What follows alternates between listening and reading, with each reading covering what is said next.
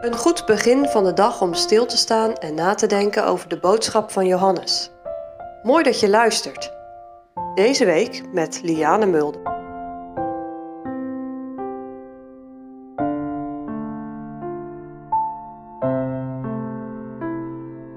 Gisteren hadden we een overdenking over de eerste wonderlijke spijziging. Vandaag gaan we verder met Johannes 6 en overdenken we de versen 15 tot en met 27. We staan stil bij het feit dat de betekenis van het brood niet werd begrepen. Maar eerst lezen we Johannes 6, de versen 20 tot en met 24 en de versen 26 en 27. Lees maar mee. Maar hij zeide tot hen: Ik ben het, zijt niet bevreesd. Zij hebben dan hem gewilliglijk in het schip genomen, en terstond kwam het schip aan het land, daar zij naartoe voeren. Des anderen daags de scharen, die aan de andere zijde der zee stond, ziende dat aldaar geen andere scheepje was dan dat ene, daar zijn discipelen ingegaan waren, en dat Jezus met zijn discipelen in dat scheepje niet was gegaan, maar dat zijn discipelen alleen weggevaren waren.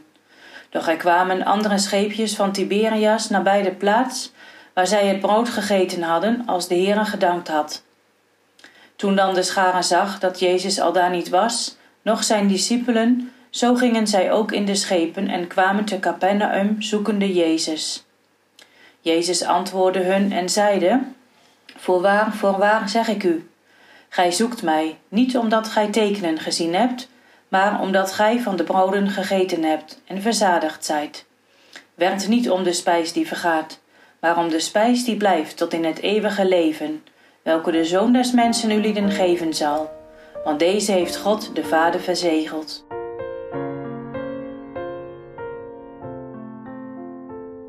De Heer Jezus kent de gedachten van de mensen.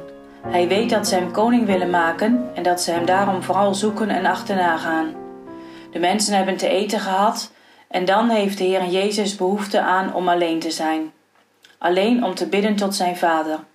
Ook hieruit blijkt dat het gebed een belangrijk onderdeel is van het geloof in God. De Heer Jezus gaat alleen verder de bergen in. De discipelen worden gedwongen om in het schip te gaan, zo lezen we in Matthäus en Marcus over dezelfde geschiedenis. De Heer Jezus heeft behoefte om alleen te zijn en te bidden. De discipelen gaan naar beneden naar het water. Daarvoor moeten ze de andere kant op. Je zou kunnen zeggen dat de discipelen daardoor de Heer Jezus uit het oog verliezen. Een bekende uitspraak is: uit het oog, uit het hart. Geldt dat ook voor de discipelen? In Marcus 6, vers 52 lezen we bij dezelfde geschiedenis dat het hart van de discipelen verhard was, waardoor ze het wonder niet verstaan. Het feit dat ze zich verharden, waardoor het ongeloof de ruimte krijgt in hun hart, brengt hen niet veel goeds. Het gaat stormen. Het meer van Galilea ligt tussen de heuvels. Hierdoor kan het plotseling heftig gaan stormen. Maar als de nood hoog is, dan is de redding nabij. De Heer Jezus wandelt op de zee en spreekt hen liefdevol toe dat ze niet hoeven te vrezen, want Hij is er. Hoewel de discipelen de Heer Jezus niet meer zagen, Hij verliest hen niet uit het oog. Johannes beschrijft de tekenen met een onderwijzende bedoeling. De mensen hebben gegeten van het brood en van de vissen, zo hebben we gisteren overdacht. Ze hebben de wonderen gezien en geproefd, maar de betekenis ervan niet begrijpen, lezen we vandaag. De schare heeft het niet begrijpen, maar de discipelen ook niet. Waarom hebben ze het niet begrijpen? Ze denken dat de Heer Jezus naar de aarde is gekomen, zodat hij koning zou worden. Ze denken op een aardse manier over de Heer Jezus, terwijl de Heer Jezus de mensen wil opwekken om te gaan geloven en te werken voor een eigen zaligheid. Maar, zeg je nu, werken voor je eigen zaligheid? Dat kan ik toch niet? De Heer Jezus zegt hier tot de mensen dat ze moeten werken aan de dingen die blijven tot in het eeuwige leven. Hij wil door de aardse de mensen opwekken om te zoeken naar de dingen die eeuwigheidswaarde hebben.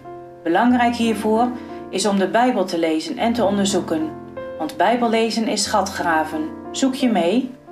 Want de Heer zegt in Matthäus 7, waar het gaat over gebedsverhoring: En die zoekt, die vindt.